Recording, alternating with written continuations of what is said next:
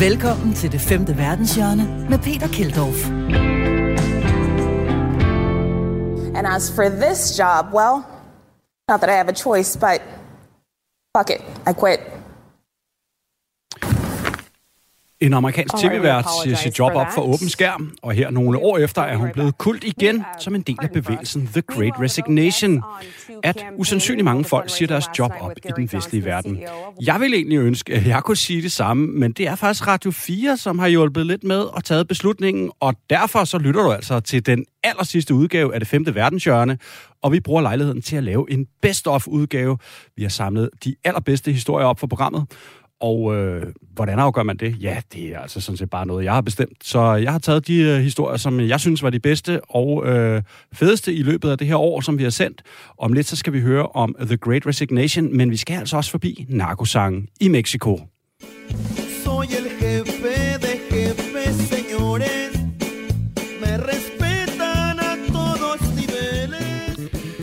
Det er altså i anden halvdel af vores Best of-program, at du hører om de såkaldte narco-corridos. Der er også Talibans kondisko, kloakmænd i Tanzania, og vi hører også om, hvorfor stand-up comedy hitter i Kina. Mit navn er Peter Keldorf. Velkommen til vores sidste show.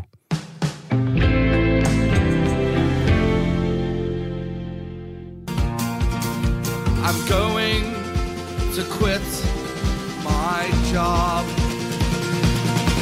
And I suggest you quit your job. Go and Vi starter vores Best of-program med lidt øh, musik til at gå øh, med til en af mine yndlingshistorier for året, der er gået. I en række vestlige lande er der nemlig ufattelig mange mennesker, som bliver, siger deres job op. Det er noget, man primært har hørt om i USA og Storbritannien, hvor fænomenet går under The Great Resignation eller The Big Quit, hvor millioner af mennesker simpelthen smider opsigelsen på chefens bord.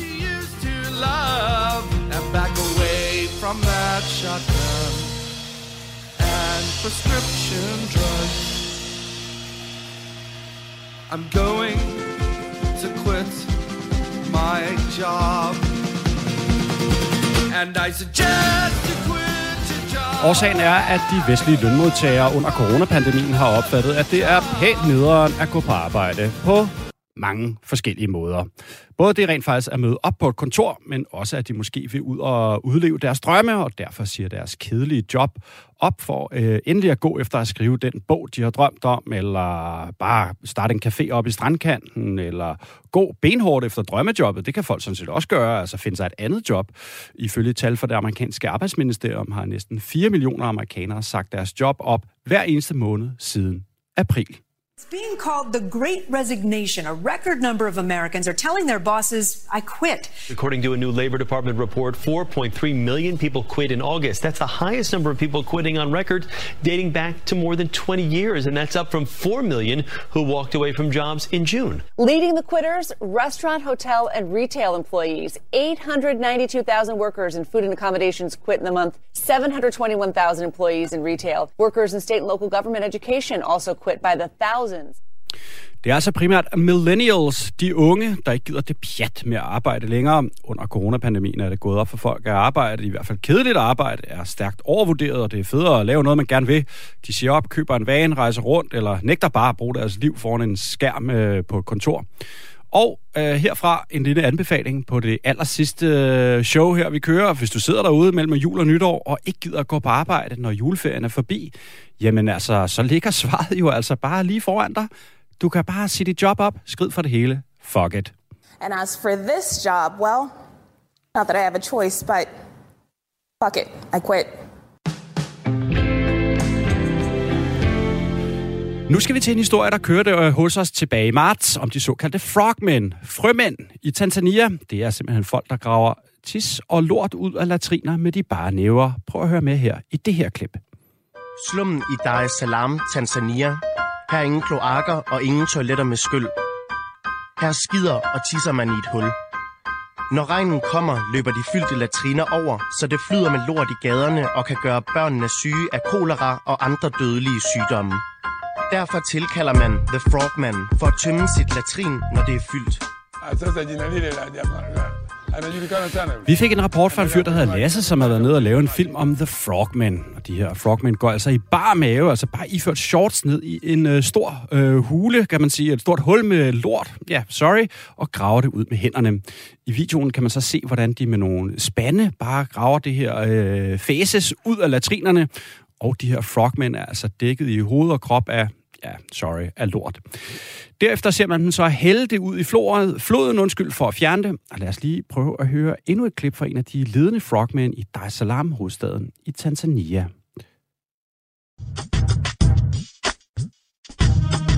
sababu nya ipo lakini kinyaa kama wewe utaona kenya mimi uone ni kazi yangu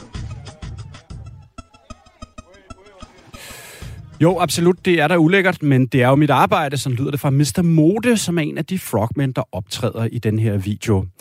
Lad os lige prøve at køre et kort klip fra det interview, vi lavede med Lasse Schrøder, der fortæller om de her frogmen. Ham her, Mr. Mode, som du nævner, og som vi også lige afspillede et klip med, øhm, du fortalte mig også her forleden, han, han er sådan lidt en hero, ikke? Altså, altså selvom det lyder lidt øh, ulækkert, det arbejde, han laver, så er han lidt, han er lidt, en, han er lidt en held på en eller anden måde, han, ikke? Jo, det er det. Altså, de sætter meget, meget pris på, at altså, de er, lidt nogle, altså, de er nogle respekterede folk i lokalsamfundet, fordi at for det første, så er det jo et job, der er virkelig vigtigt at få lavet. Altså, det kan man jo selv regne ud, hvor ulækkert det ville være, hvis det ikke blev lavet. Øh, og derfor så er de jo, og det er jo ikke alle værd, der laver det, så, så på den måde bliver de vigtige, og han havde altså et par, øh, sådan to-tre kroner og et fire hus, tror jeg, han havde. Så han var altså en velanset et mand i, øh, i lokalsamfundet. Og, øh, ja, og, og, og de, jamen det er jo, det, det er jo virkelig, hvis, det, hvis de her latriner alle sammen var fyldte, og det begynder at regne, så løber det ud i hele landsbyen, og det er altså, altså det giver både kolera og alle mulige børnes, altså meget syge børn og sådan noget, så, så det, at de faktisk putter dit et hul og styrer det ud i floden, er heller ikke godt for nogen, men det er bedre, end at alle latriner ligesom flyder over og løber ud i hele landsbyen, eller hvad man skal kalde det område, de bor i. Ja, der er også et klip i den der video, I har lavet øh, dernede fra, øh, hvor Mr. Mode, han siger, at han, han er sund og frisk. Øh, altså, det, øh, kan det passe det noget med, at han siger, at han aldrig har taget en panodil i hans liv? Eller, ja, han har jo altså aldrig været syg. Nå, okay. Han har aldrig været syg. Ah, det lyder helt vildt. så meget som panodil.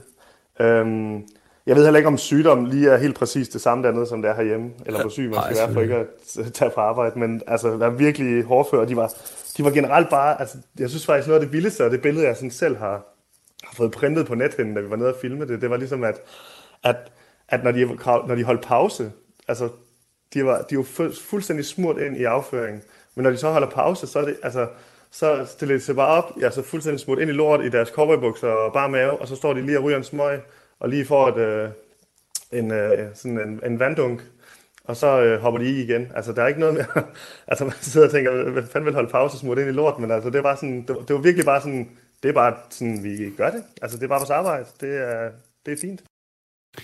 Det er bare vores arbejde. Det er fint. Ja, sådan lød det altså i interviewet med Lasse Schrøder, da vi lavede det her øh, indslag om de her frogmen nede fra Tanzania, og det kørte altså en gang i foråret. Du er altså i gang med øh, en best-of af det femte verdenshjørne her på Radio 4, fordi det er aller sidste program, vi sender. Vi sender altså ikke til næste år, så derfor så har vi samlet en række af de bedste historier fra vores udsendelser her i 2021. Ja, og øh, hvad skal man sige, udvalgelsen, ja, det er altså bare mig, der har stået for det, så nu skal vi forbi en anden god øh, historie, den her gang fra Cuba. Hoy yo te invito caminar por mis solares Para demostrarte de que sirven tus ideales. Somos humanos aunque no pensemos iguales. No nos tratemos ni dañemos como animales. Esta es mi forma de decírtelo. Llora mi pueblo y siento yo su voz. Tu 59, yo doble 2, 60 años Det var altså i foråret, vi kunne bringe historien om nogle øh, meget stærke kritikere af den kubanske regering. Det er nemlig bandet, øh, bandet, bandet Hente de Zoner, som du hører med nu.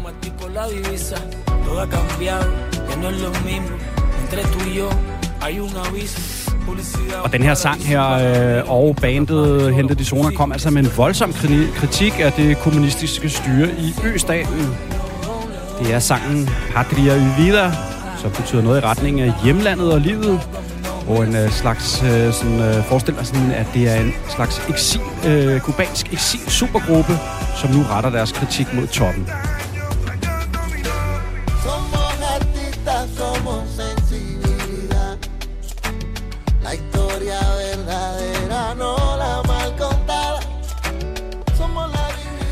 Den her sangtitel, Patria Vida, Hjemlandet og Livet, er et spin-off på Kubas oprindelige revolutionære motto, Patria o Muerte, Hjemlandet eller Døden.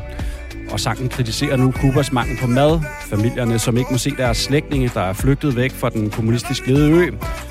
De kritiserer også den svage valuta, pesoen, og i den her video her, men, øh, der kører til sangen, jamen altså, øh, der støtter, støtter jo også andre grupperinger, som er kritiske over for regimet.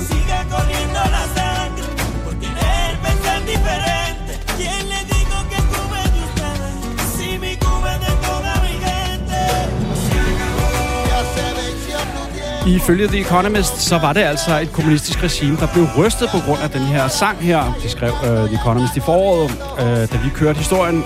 Og uh, tidsskriftet mener at vide, at regimet fik afbrudt de nationale tv-kanaler, for at man sammen kunne synge nationalsangen.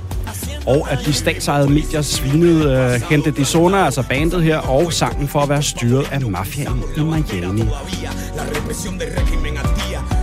Meli Ramos firme con su poesía. Omar Arrijuquiola dándonos aliento de vida. Rompieron nuestra puerta, violaron nuestro templo y el mundo está consciente de Et par måneder efter, øh, hen over sommeren, ja, der blev Patria Vida øh, simpelthen den uofficielle øh, fællessang til nogle af de største demonstrationer, som Cuba havde set i årtier.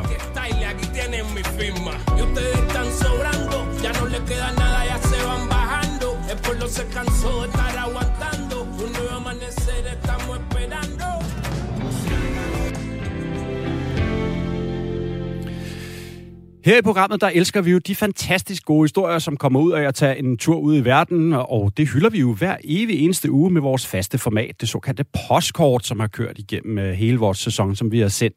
Og det kan jo være en tur ud i verden som udenrigsminister eller korrespondent, eller det kan sådan set også være, at det har vi godt nok ikke haft nogen, der har fortalt om. Øh, det kunne altså være meget sjovt, men øh, en, en fejlslagen tur ned over grænsen for at hente dåsebejere. Der har sådan set ikke været nogen regler for det. Det eneste, der skulle være, det var bare, at det skulle foregå ude i den store verden, og så skulle det være en god øh, eller rørende eller vigtig historie. Og I bliver altså ikke snydt, bare fordi det er sådan et best-of-program. Øh, det er ikke en gentagelse, ligesom det er med indslagene. Det her, det er altså sprit nyt, og du har aldrig hørt om det før. Men du har dog hørt om manden, det kommer fra, i hvert fald hvis du har hørt det her program. Det er nemlig fra Jakob Øster, som har lavet flere postkort til os. Han er nemlig den eneste dansker, der har besøgt alle verdens lande. Ja, du hørte rigtigt. Han har simpelthen besøgt dem alle sammen, øh, og dermed så er han medlem af en klub, der kun består af 213 personer verden over, som altså har været i alle verdens lande. Kære det femte verdenshjørne. Her kommer en hilsen fra dengang, jeg var i Bolivia. Det var jeg tilbage i 99, hvor jeg var 27 år gammel og rejste alene rundt med min rygsæk i Sydamerika. Da jeg så kommer til La Paz, hovedstaden i Bolivia, så møder jeg tilfældigt en lokal fyr på en bar, og han fortæller mig, at det er muligt at besøge byens San Pedro fængsel. Så der tager jeg hen sammen med et par andre backpackere fra det hostel, som jeg bor på. Og manden på baren, han har fortalt, at når vi kommer hen til fængslet, så skal vi bare give en af vagterne 5 dollar, så vil vi få lov til at passere gennem porten helt frem til lågen ind mod fængslet. Så det gør vi. Derinde der står en masse indsatte. En af dem giver vi en dollar, og han løber hen og henter Thomas fra Liverpool, som er ham, som vi ligesom spørger efter, og som er en indsat, som arrangerer rundture ind i fængslet. Så Thomas han opkræver os 10 dollars hver for at låse porten op, og vi kommer ind i det her fængsel. Og det, der er helt specielt ved San Pedro-fængslet i La Paz på det her tidspunkt, det er, at der er slet ikke nogen vagter på indersiden. Så alle vagterne bevogter ydermuren og porten, men er ikke inde i fængslet. Øh, så Thomas han fortæller, at, at, at der er ligesom selvjustits, det er fangerne selv, der bestemmer øh, på indersiden. Noget af det første, vi ser, det er, at øh, der er en masse kvinder og børn, Øh, så det virker lidt ligesom kvartererne uden for fængslet. Der er grønthandlere, der hænger vasketøj, der er børn, der spiller fodbold, øh, der er kvinder, der sidder og snakker. Og vi får så at vide, at selvom det egentlig er et mandefængsel, så øh, er der mange af de indsattes øh, koner og børn, der ligesom besøger dem i løbet af dagstiden, og det får de lov til.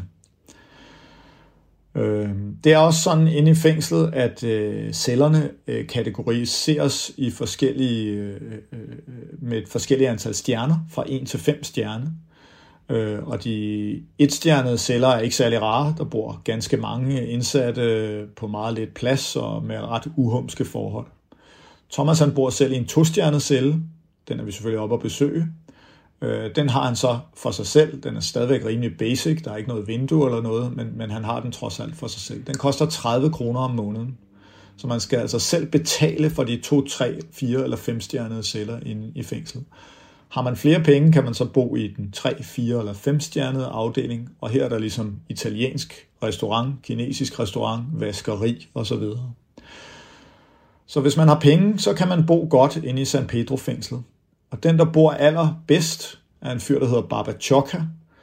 Han er blevet knaldet øh, med sit fly, fyldt med kokain, øh, men har så nået at stikke lidt penge til side, for i hvert fald har han øh, en masse penge, og har så inde i fængslet kunne opføre sin egen hytte oven på toppen af den femstjernede afdeling.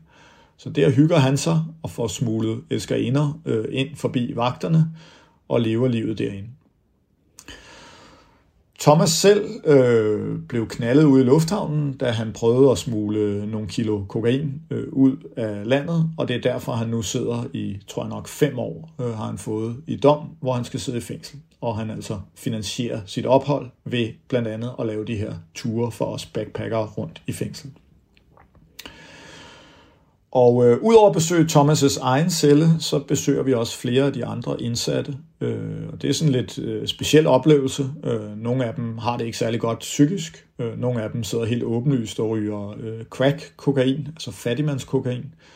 Og vi får sågar at vide, at der er små laboratorier inde i fængslet, hvor der simpelthen produceres kokain, altså forarbejdes kokain ud fra kokainpasta, som smugles ind i fængslet så forarbejder man kokainen øh, til pulverform, og så smules den ud igen, hvor den sælges rundt i landet. Og vi bliver flere gange tilbudt at købe kokain inde i fængslet, og tænker selvfølgelig, at det er nok ikke øh, nogen særlig begavet idé at gøre det. Vi får også fortalt, at øh, det er et meget lukrativt job at være fængselsbetjent, øh, simpelthen fordi, at øh, de tjener så meget bestikkelsespenge, øh, når de indsatte skal have smuglet øh, varer og personer ind og ud. Og faktisk i samme periode, som vi besøger fængslet, der bor der en australsk fyr, der hedder Rusty Young, inde hos Thomas. Så han har også til at begynde med været på sådan en fængselsrundtur, ligesom vi er på. Han er blevet gode venner med Thomas, og så har de aftalt, at han skal bo sammen med Thomas i fire måneder øh, inde i hans celle. Øh, og det gør han for at skrive en bog om fængsel. Øh, og den bog, øh, Martin Powder, udkommer et par år senere og bliver en bestseller. Men desværre for Thomas, så giver det øh, lidt problemer for ham, at det ligesom rygtes, at der skal udgives en bog, der beskriver alle de her forhold, øh, og det er ligesom ham, øh, det er sluppet ud fra. Så øh, han bliver øh, købt fri af Rusty Young, øh, inden bogen udkommer. Øh, og da bogen udkommer, så kan myndighederne jo ligesom ikke rigtig sidde det her overhørige med, at der findes et fængsel, der er så bundkorrupt inde midt i hovedstaden. Øh, så derfor så beslutter myndighederne at forbyde de her fængselsrundture. Øh, så man kan sige, at vi nåede det lige, inden at der blev lukket for den her ekstremt bizarre turistattraktion. Øh, og om myndighederne så også er kommet korruptionen til livs, eller om de bare har lukket for turene, der ligesom beretter derom, det melder historien ikke noget om.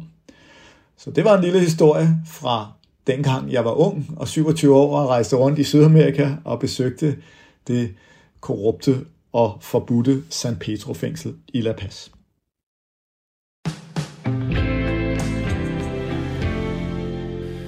Det var altså Jakob Øster, der lavede øh, den aller sidste udgave af postkortet her i det femte verdenshjørne, og Jakob har lavet flere postkort til os. Han er den eneste dansker, der har besøgt alle verdens lande. Yes, yes, dem alle sammen simpelthen. Jeg ved ikke, hvordan fanden det lykkedes ham at gøre det.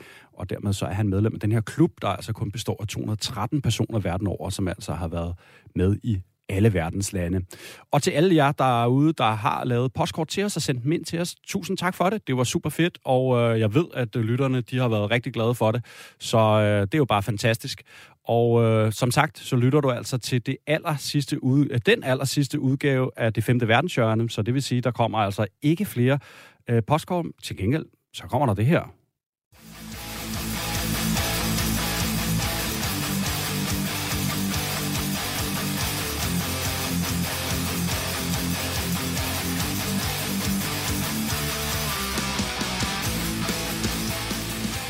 Her i vores øh, Best of-program, så er vi nået en tur til Myanmar.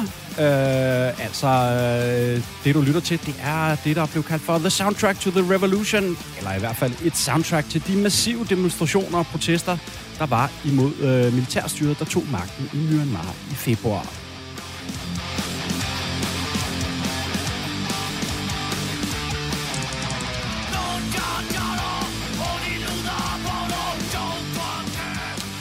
Ved et kup øh, afsatte militæret den demokratiske valgte leder Aung San Suu Kyi den 1. februar, og efter det jamen, så var der voldsomme demonstrationer i det sydøstasiatiske land, som man også kender som Burma.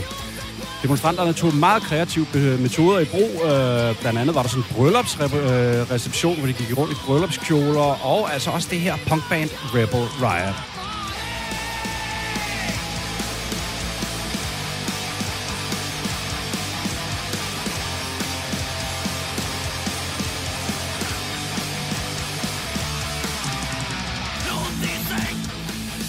Rebel Riot var altså en del af en omfattende civil ulydighedskampagne med mange kreative demonstrationer i Myanmar, som blev lavet for at skabe opmærksomhed på de sociale medier, så det kunne gå viralt med os som klar målgruppe. Vesten skulle nemlig se, hvad der skete i landet. Så vi så en sådan række sjove og super kreative demonstrationer, hvor de klædte sig ud i, som jeg nævnte, bryllupskjoler. De sad i oppuslige plastikbadebassiner og har skilte på engelsk, øh, som, har fået, som fik godt med opmærksomhed også i de vestlige medier. Og altså også det her punkband, som jeg godt kunne lide.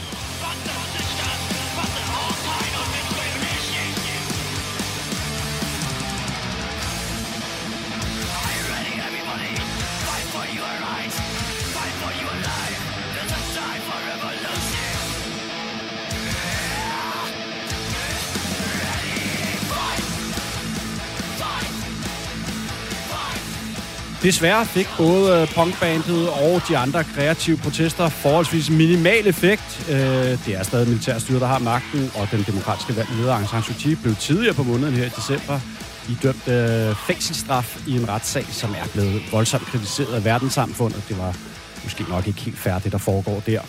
Og man må bare sige, at man må forvente, at Myanmar står over for endnu en voldelig periode.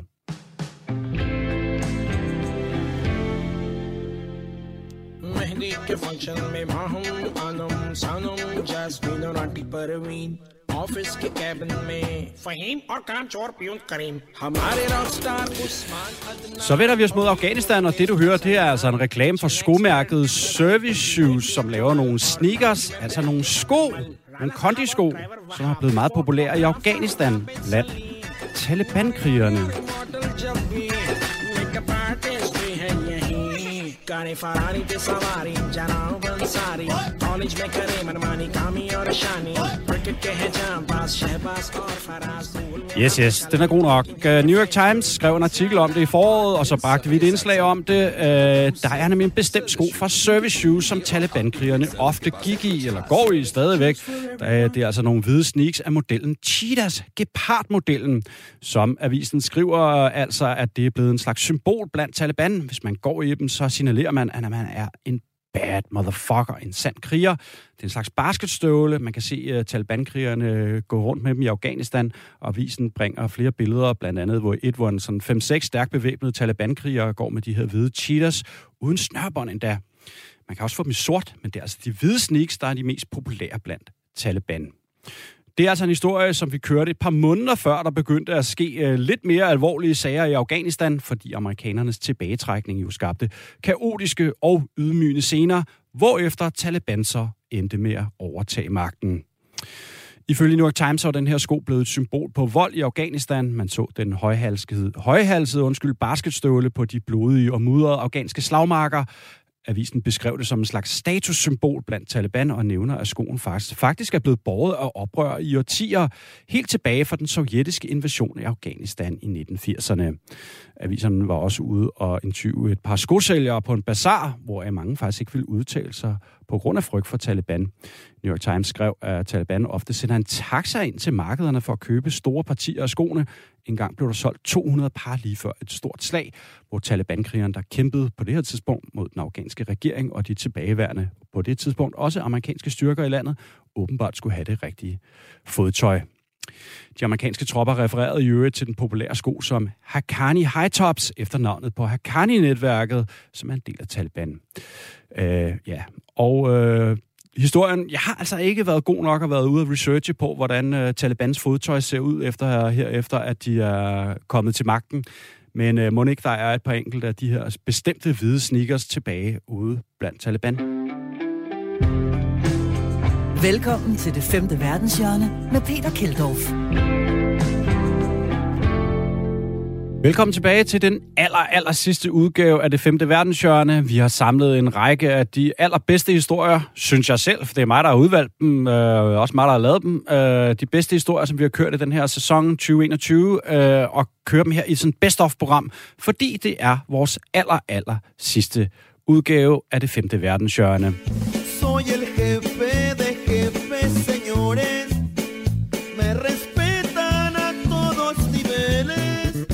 Så er vi en gang med en historie, øh, som vi lavede, da programmet blev produceret fra Mexico i august.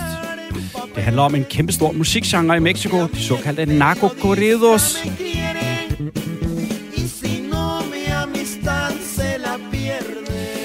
Det er altså en kæmpestor musikgenre i Mexico, de såkaldte narco corridos, narcoviser, og det vi lige hørte, jamen det var altså en af de mest kendte sange, El Jefe de Jefes, mafiabossen over alle mafiabosser med bandet Tigres El Norte. Jeg kan også lige prøve, hvis jeg kan tage mig sammen her og finde et andet nummer. Her er det Calibra 50, Calibra 50, som i en sang, der har fået 41 millioner visninger på YouTube, hylder den nu fængslede narkoboss El Chapo.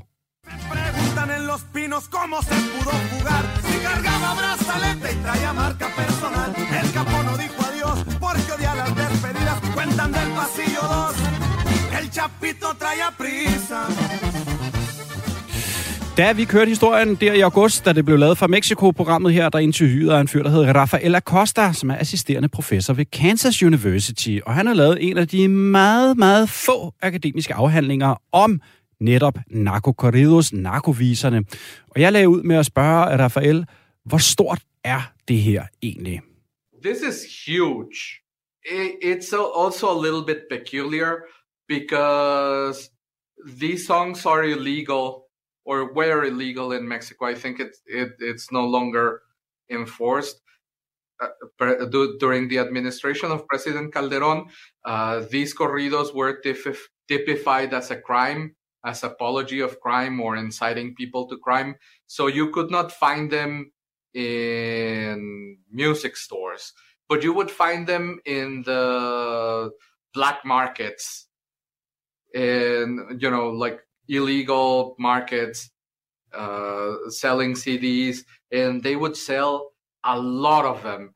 You would also find these, uh, the groups that perform these corridos, uh, performing live venues, and you can find a lot of them in Spotify.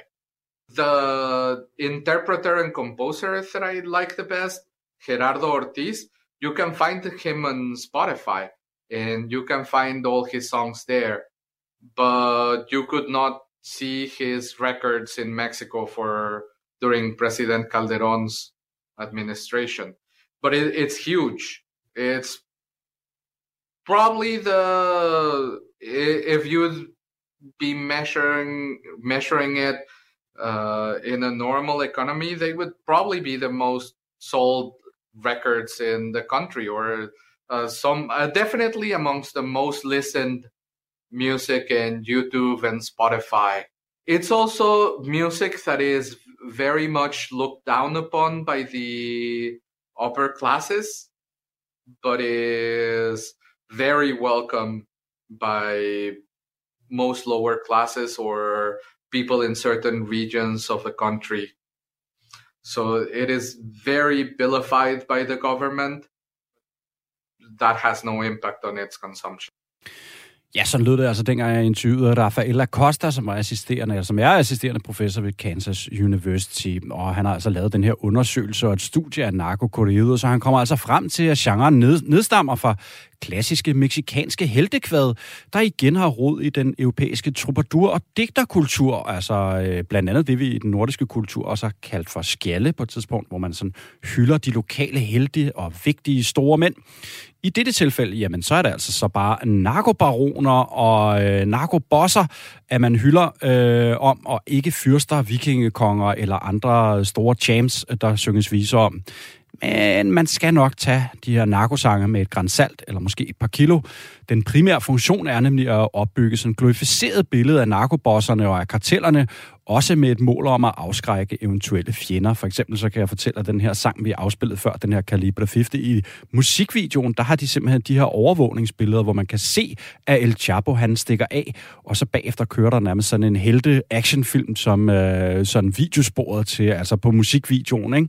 Så øh, der skal man nok, øh, man skal nok øh, tage det lidt med, med grænsalt eller to. Det fortalte uh, Rafael Acosta, som, som havde lavet den her uh, undersøgelse af de her narkokorridors.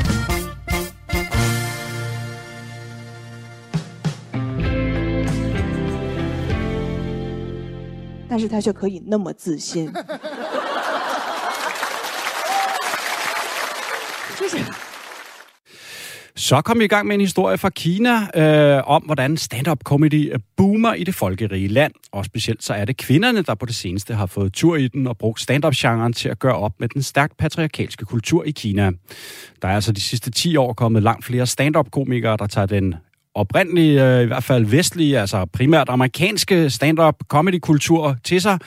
Øh, den er ufattelig populær. Man kan gå på utallige øh, comedy-klubber i storbyerne Beijing og Shanghai. Der er blandt andet et comedy-show, der hedder Rock and Roast på en af tv-stationerne, som er meget set.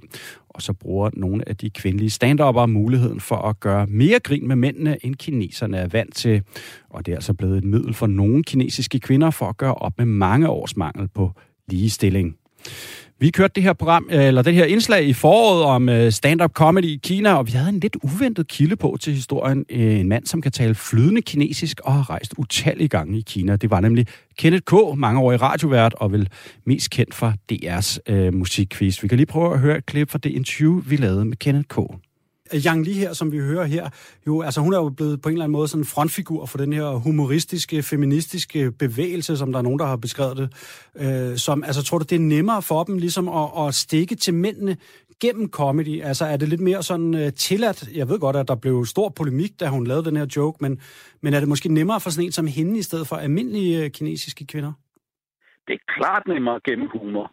Øh, fordi her kan hun stå på scenen med, med du ved, og har den der charmerende selvtillid, og så lave en punchline, som, som jo ikke er sådan en, der skal benene af nogen, men som alligevel gav hende jo øh, både øh, opmærksomhed, berømmelse og, og, og masser af internet havde, ikke? Fordi ja, det kan godt være, at øh, Facebook, Twitter og Instagram er lukket i Kina, men de har jo deres egne sociale medier, og, og der holder folk sig ikke tilbage, ikke? WeChat, Weibo og alle de andre, ikke? Og mænd skriver sådan noget tilbage, du er sikkert grim uden makeup og det hele. Så hun fik jo hele, altså du ved, hele den, den mandlige kinesiske befolknings... Ja, altså hun er jo faktisk også blevet, blevet meldt til en eller anden form for tv-nævn på, på, for sexisme, uh, tror jeg, jeg læste mig til The Economist om, uh, på grund af den der joke, vi har afspillet tidligere. Ja, og det er jo, og det er jo sådan en, det er jo sådan en smuk pointe, fordi at, at, at det, gør, det gør den jo selvforstærkende, øh, og fortæller også, øh, hvor, hvor, rigtigt, øh, hvor rigtigt set det var. Ikke? Øh, og det der med, at man kan grine af det, betyder selvfølgelig også, at lige pludselig så, så åbner du låget for en diskussion, som ellers ikke havde været der. Så den joke er jo samtidig sådan en, sådan en, hvis vi virkelig skal op i helikopteren, ikke, så er det jo samtidig sådan en, der, der fortæller om de der små, når, du ved, når de tektoniske plader begynder at, at, at, at føle sig en lille bitte smule, øh, når, når der sker sådan nogle små forandringer som, som udtryk for noget større, så er det jo også sådan, det er jo, det er jo sådan Kina, der sådan, du ved, øh, er på vej ind i, i MeToo også, ikke? ligesom resten af verden. Og det er virkelig det der med, at, at kvinderne har haft en helt anden status i samfundet end mænd. Og det der også er sket noget ved langsomt stille ro i Kina, og det er det, som den her joke jo også er et, et udtryk for. Ja, så lød det altså, dengang vi havde Kenneth K. med øh, på historien om, at stand-up, det boomer i Kina. Hvis du tænker derude, hov, det har jeg da ligesom hørt før. Jamen, øh, så har du det også, fordi øh, det her, det er jo sådan en best-of-udgave, øh, som altså har samlet de allerbedste øh, indslag, vi har kørt igennem året. Fordi det er den sidste udgave af det femte verdenshjørne her på Radio 4.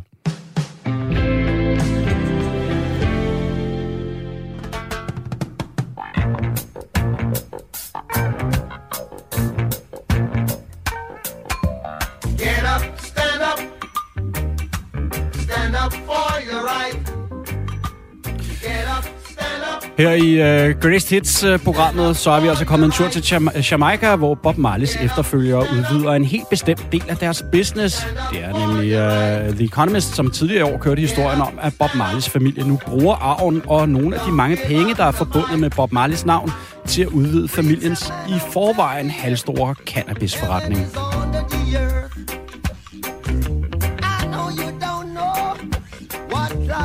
really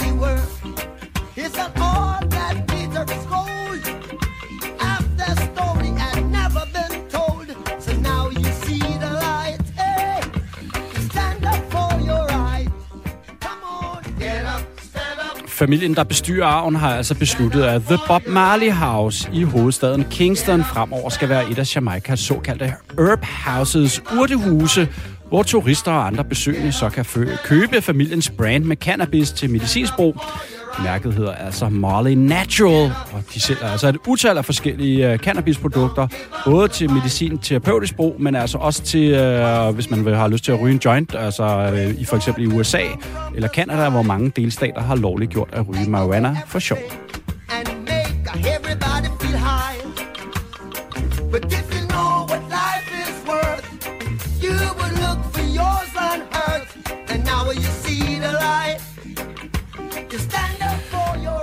Østaten Jamaica i Karibien har jo historisk set været kendt for at have en meget stor cannabiskultur, primært på grund af Rastafari-religionen, som hører hjemme på øh, øen.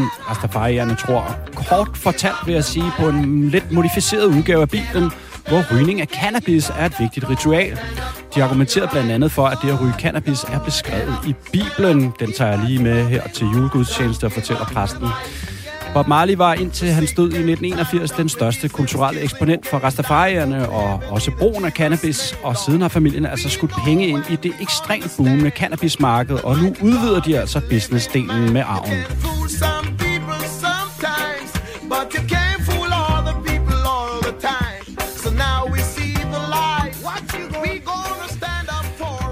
Hvis øh, man sidder derude og har været i tvivl om, hvorvidt cannabis er penge værd øh, eller ej at bruge, øh, du ved, investere i, så øh, vil jeg bare sige, at øh, dengang vi kørte programmet, jamen, så havde vi altså et klip øh, med finansmanden Claus Riskær Pedersen, som vi altså havde med i programmet for, øh, for ligesom at fortælle, hvor stor en, øh, en del af det her cannabismarked, fordi det boomer altså helt vildt i USA. Jamen altså, det er jo en industri, der er i voldsom vækst, og øh, det siger jo sig selv, at vi er igennem en periode, hvor deregulering og en anden måde at se på cannabis på, åbner for nogle forretningsmæssige muligheder. Øh, vi startede jo selv derude for knap fem år siden, og det har været en lang rejse, fordi Sydamerika har haft nogle andre udfordringer. Men i USA er det jo klart, at man ved at have ændret øh, cannabis fra at være et Schedule 1 drug øh, til at være en Schedule 2 drug, så har man jo altså ligesom ændret markedsdynamikken omkring cannabis, og det er derfor, man ser de her værdiansættelser har udviklet sig, som de har gjort i USA i det sidste stykke tid. Men cannabisplanterne gror altså ikke ind i himlen, øh, for Jamaica befinder sig faktisk lidt i sådan en limbo-situation, når det kommer til at kapitalisere på det produkt, de har brugt årtier på at forfine. Altså lang tid før hipster og helsefreaks begyndte at putte CBD i kaffen, ja, så dyrkede jamaikanerne jo, hvad de har omtalt som den hellige urt. Men The Economist, som bragte den her historie, skrev, skrev altså, at østaten har problemer, fordi det rent faktisk ikke er tilladt at dyrke cannabis i stor produktion på østaten, hvis man producerer til øh, for sjov, altså hvis man bare vil gøre, være skæv. Det vil sige, at øh, jamaikanerne de altså misser ud på det enormt store marked i USA og Kanada, hvor mange delstater de har gjort det lovligt.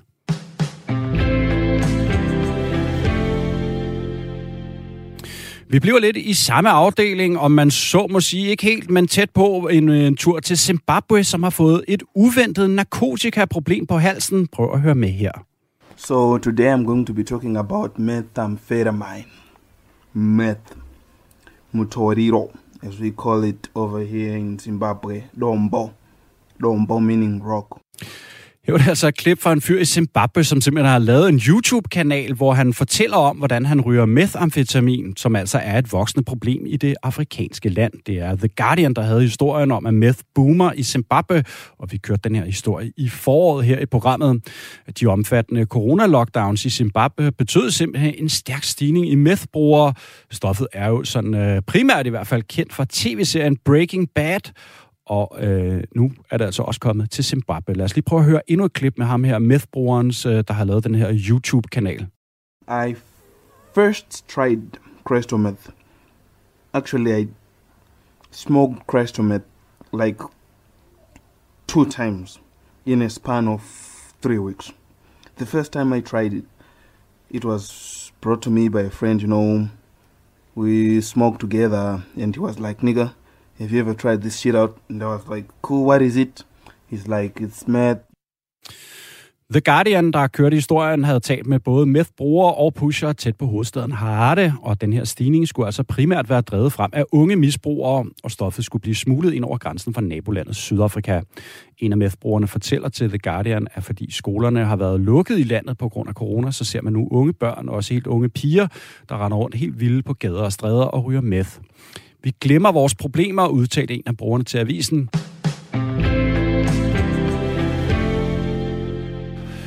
Du lytter altså til et Best of uh, Greatest Hits af øh, det femte verdenshjørne, fordi det er sidste udgave af programmet. Jamen, så har vi samlet nogle af de bedste historier, vi har bragt i løbet af året. En af dem, de kommer fra USA, hvor de amerikanske komikere blev nødt til at kigge sig om efter noget helt andet materiale engang i starten af foråret. So let's do some jokes. We'll give you the highlights of the lowlifes in tonight's Don and the Giant Impeach 2. Go fast, we're furious. Do I hit it long? Is Trump strong? Huh? Her var der altså et klip med komikeren Stephen Colbert, der har lagt det ud på YouTube. Klippet omhandler Donald Trumps anden rigsretssag, som jo kørte i starten af året. Sagen markerede slutningen af Trumps rolle som leder af den internationale nyhedsdagsorden. Han var på det her tidspunkt færdig som præsident, og hans Twitter-konto var lukket. Det betød så også, at de amerikanske komikere måtte ud og finde noget andet øh, og skrive deres manuskripter ud fra. De havde i fem år øh, levet højt på Trumps komplet sindssyge aktioner, som de har dækket intensivt fra at være sådan primært underholdningsprogrammer med interviews med kendte og jokes som lidt af hvert. Øh, dog også lidt politik er sådan en klassisk del af den amerikanske stand-up øh, late night comedy på tv-kanalerne. Ja, men altså, så var der altså nu kommet sådan en situation, hvor utallige af komikerne med deres daglige talkshows, øh, de brugte jo altså simpelthen 10-15 minutter af åbningen kun om politik, primært om, hvad Donald Trump har gået og lavet. Lad os lige prøve at høre endnu et klip. Trump should have been removed from office that day for what? Here's how you know how damning this is. This trial was aired live on ABC, NBC, CNN, CBS. Uh, the only channel that cut away, Fox News. Gee, I wonder why. Late Night Comedy måtte altså ud og genopfinde sig selv. Guldkalden Trump var på vej væk, og de amerikanske komikere skulle ud og lave om i koncepterne nu, hvor den store orange mand ikke var der til at levere daglige doser af amerikansk craziness direkte ned i deres manuskripter. Da vi kørte historien tilbage i foråret, fik jeg besøg af Anders Fjelsted, mangeårig stand-up-komiker og vært på Radio 4's comedy-program Comedy-kontoret. Der er jo flere forskellige øh, genrer af det her late night øh, talkshow comedy. Der er jo både dem, der er meget politiske, og altid har været det, eller The Daily Show og, øh, og Colbert og, og den slags. Og så er der de der lidt mere underholdningsprægede talkshow-linjer med Jimmy Fallon og Kimmel og lignende. Og de har jo pludselig fået Trump som deres... Altså, han har bare øh, hele tiden genereret idéer og materiale, de kunne øh, joke om. Og, øh, og på et tidspunkt er det jo blevet til lidt sådan en krig, fordi at øh, Donald Trump, han gik jo ind og ligesom svarede igen, eller sagde, at det der talkshow, det er noget lort, og ham der, han får elendige seertal. Og, øh, og komikere, de samler jo altid sådan handsker op og siger, okay, hvis vi skal battle, så battler vi. Øhm, så, det er jo, altså, så det er blevet meget det, de har gået på hele tiden. Og nu, øh, ja, nu er han jo færdig som præsident, så skal de til at finde på noget andet. Ja, og de her, nu smutter Trump jo som sagt, og de her komikere skal til at finde sig noget andet og fortælle jokes om. Hvordan er det som komiker at have et emne, som man har øh, fået meget materiale ud af, og fået, øh, eller har fortalt meget jokes om, og så, så pludselig så virker det som om, at, øh, at brønden er ved at tøve ud, eller noget i den retning? Ja, men man kan sige, altså, de skal jo nok, man skal sige, de her hold har nogle kæmpe redaktioner. De skal nok finde noget andet øh, og, og joke om. Selvfølgelig skal de det. Øhm, altså, det, det er lidt en kliché, det der med, at folk kommer, og det gør de jo også tit til mig og andre komikere, og siger, åh, det der, der er sket, der må du kunne få en masse sjov ud af det. Men ofte så er det sværere at lave jokes ud af det, som i forvejen er så åbenlyst dumt, fordi så har alle ligesom set den sjove øh, pointe i det. Og, øh, og når alle talkshowsene har skulle gøre nar af Trump, så har de også skulle gøre sig mere og mere originale, for ikke at... Altså, det begrænser, hvor længe de kan lave jokes med, at han har hentehår og, øh, og orange i huden, ikke? Så man har virkelig kunne se, hvem af dem, der har været gode til at gå ned og finde de helt små, dumme ting, eller været, skære helt ind til det meget politiske, og, og øh, så ender det faktisk nærmest med at blive sværere for dem at skulle gøre nar af en fyr, der er så åbenlys øh, til grin, fordi at man skal prøve at være original. Så lød det altså, da jeg havde besøg Anders Fjeldsted, mange år i stand-up-komiker og vært på Radio 4's comedy-program, Comedy-kontoret, til den her historie om, at de amerikanske komikere måske skal ud og finde noget andet materiale. Du lytter altså til sådan et best-of-program øh, de bedste indslag, som vi har haft i løbet af året her i det femte verdenshjørne på øh, Radio 4, fordi der ikke kommer mere det femte verdenshjørne, det er det aller, aller sidste program, du hører. Næste historie, jamen altså, der skal vi til Irak, fordi to tv-shows, de gik, hvad skal vi sige, lidt meget over stregen. Allah Akbar! Allah Akbar! Ja, det du hører her, det er altså fra tv-showet Rasland Shooting. Der er et prank show, altså et show, der narrede kendte deltagere til at tro, at det, de oplever, er virkeligt. I dette tilfælde kidnappede de kendte irakere, som troede, at de blev fanget af islamisk stat, eller noget, der minder om den. De troede altså seriøst, at de skulle dø. Yes, yes, du hørte rigtig bind for øjnene, og folk med våben, der tror dig på livet og tvinger dig til at gå med selvmordsvest og den slags ubehagelige sager. Vi kan lige prøve at høre endnu et klip fra et af de her tv-shows, øh, og så vidt jeg har kunne se på, så på YouTube, da vi bragte øh, indslaget, jamen så er det altså, hvor den her udgaves øh, kendte, altså den person, der bliver pranket, en kvindelig skuespiller, øh, hun bliver overfaldet.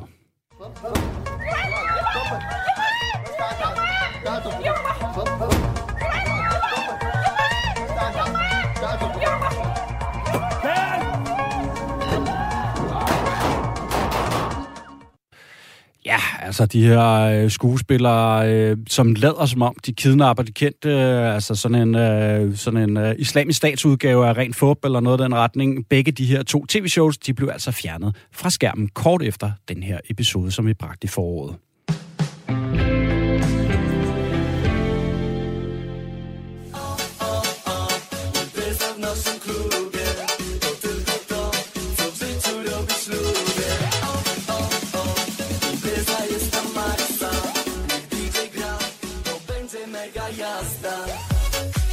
Så lytter du til Disco Polo. Pols populistisk popmusik er det blevet beskrevet som. Det er altså en folkelig popmusik, som specielt folk på landet lytter til. Og det blev altså i foråret til et politisk våben i Polen, og det ledende parti, PIS, Lov- og Retfærdighedspartiet, knyttede nu uh, de store diskopoler stjerner til sig. Det er også det her parti, som har haft magten flere gange, og siden, øh, sidst siden 2015 og indført en række reformer, der er blevet stærkt kritiseret, blandt andet for os i de vestlige EU. Vi skal lige høre lidt om det senere, men først lad os lige høre en lille smule mere diskopolo og hvad det egentlig er.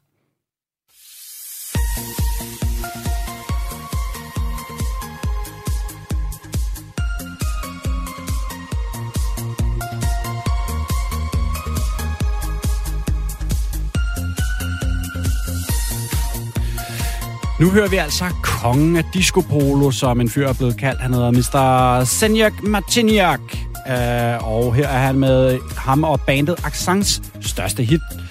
Genren er altså opstået i slutningen af 80'erne og blander altså polsk folkemusik med synthesizers og trommemaskiner, der giver det her elektroniske udtryk.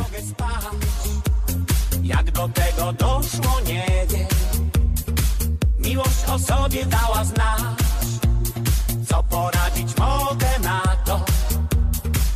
Że miłość przyszła właśnie dziś. Da vi kørte det her øh, indslag, jamen der talte jeg med Anna Werenberg, som er Polens ekspert og sidder som forskningsmedarbejder ved Koldkrigsmuseet Langelandsfortet, og hun kunne fortælle os om netop vigtigheden af disco polo. Hvorfor er det vigtigt for Lov- og Retfærdighedspartiet at knytte sådan nogle folkelige sanger eller kulturpersonligheder i det hele taget, som for eksempel de her disco stjerner at, at de knytter dem sig til partiet? Ja, altså man kan sige, at politikere alle steder kan jo godt lide at knytte sig til sådan en folkekultur. Altså det kender vi jo også i Danmark, hvor alle politikere elsker at fortælle om, at de spiser stik flæsk og røde pølser og sådan noget. Øh, og Joy Mogensen er ude og, og tale om um, Absolute Music og så videre. Men, men det er helt klart, at, øh, at PIS, regeringspartiet i Polen, de har gjort meget for at knytte an til helt almindelige mennesker, altså folkekulturen. Og de har ikke været bange for at gå imod øh, sådan eliternes smag. Øhm, og altså et andet rigtig godt eksempel, det var for et par år siden, hvor Polens præsident Andrzej Duda, han var nede og besøge sådan en lille by i det sydlige Polen, hvor han så blev budt op til folkedans. Og så dansede han med der, og der blev lagt et, et klip ud på YouTube, og det gik jo viralt. Altså, hvis man har set ham, så ved man, at han er sådan høj og ranglet og lidt kajtet i sin bevægelse og sådan noget. Han er måske ikke den store, den store naturlige danser? Ej, ej, det var han ikke. Så, så det gik jo viralt, og alle folk gjorde grin med det og sådan noget, men men der var der en, øhm, en kommentator i Polen, der skrev, ja, grin I bare, men han har lige danset sig ind i sin anden præsidentperiode. PIS har jo rigtig godt fat i, i folk i landsbyer, men også i mindre byer. Sådan, altså i Polen er mindre byer jo sådan 50.000 til 100.000 indbyggere. Øh, helt almindelige mennesker, også ofte dem, som ikke har så meget uddannelse. Nede østpå og sydpå, hvor det sådan er mere de traditionelle værdier, og hvor de ikke helt har oplevet den velstandsfremgang, som man har i de store byer og over mod vest i Polen. Så det er helt klart de vælgergrupper, som måske føler, at de er blevet lidt snydt øh, de seneste årtier i den fremgang, der har været, de ikke helt er kommet med. Og så lød det altså fra Anna Wehrenberg, der er Polens ekspert og forskningsmedarbejder ved Koldgrusmuseet i Langlandsfortet, om dengang vi kørte det her indslag om Disco Polo. Og vi kan da vist godt lige høre lidt mere af det her. Kan vi ikke? Det var alt for det femte verdenshjørne. Altså som i overhovedet nogensinde ever, fordi at øh, programmet ikke fortsætter til næste år. Det er jo ærgerligt, men sådan går det. Det går op og ned i showbiz, ligesom det gør i Disco Polo. Programmet, det aller sidste, er produceret af Beam Audio Agency for Radio 4.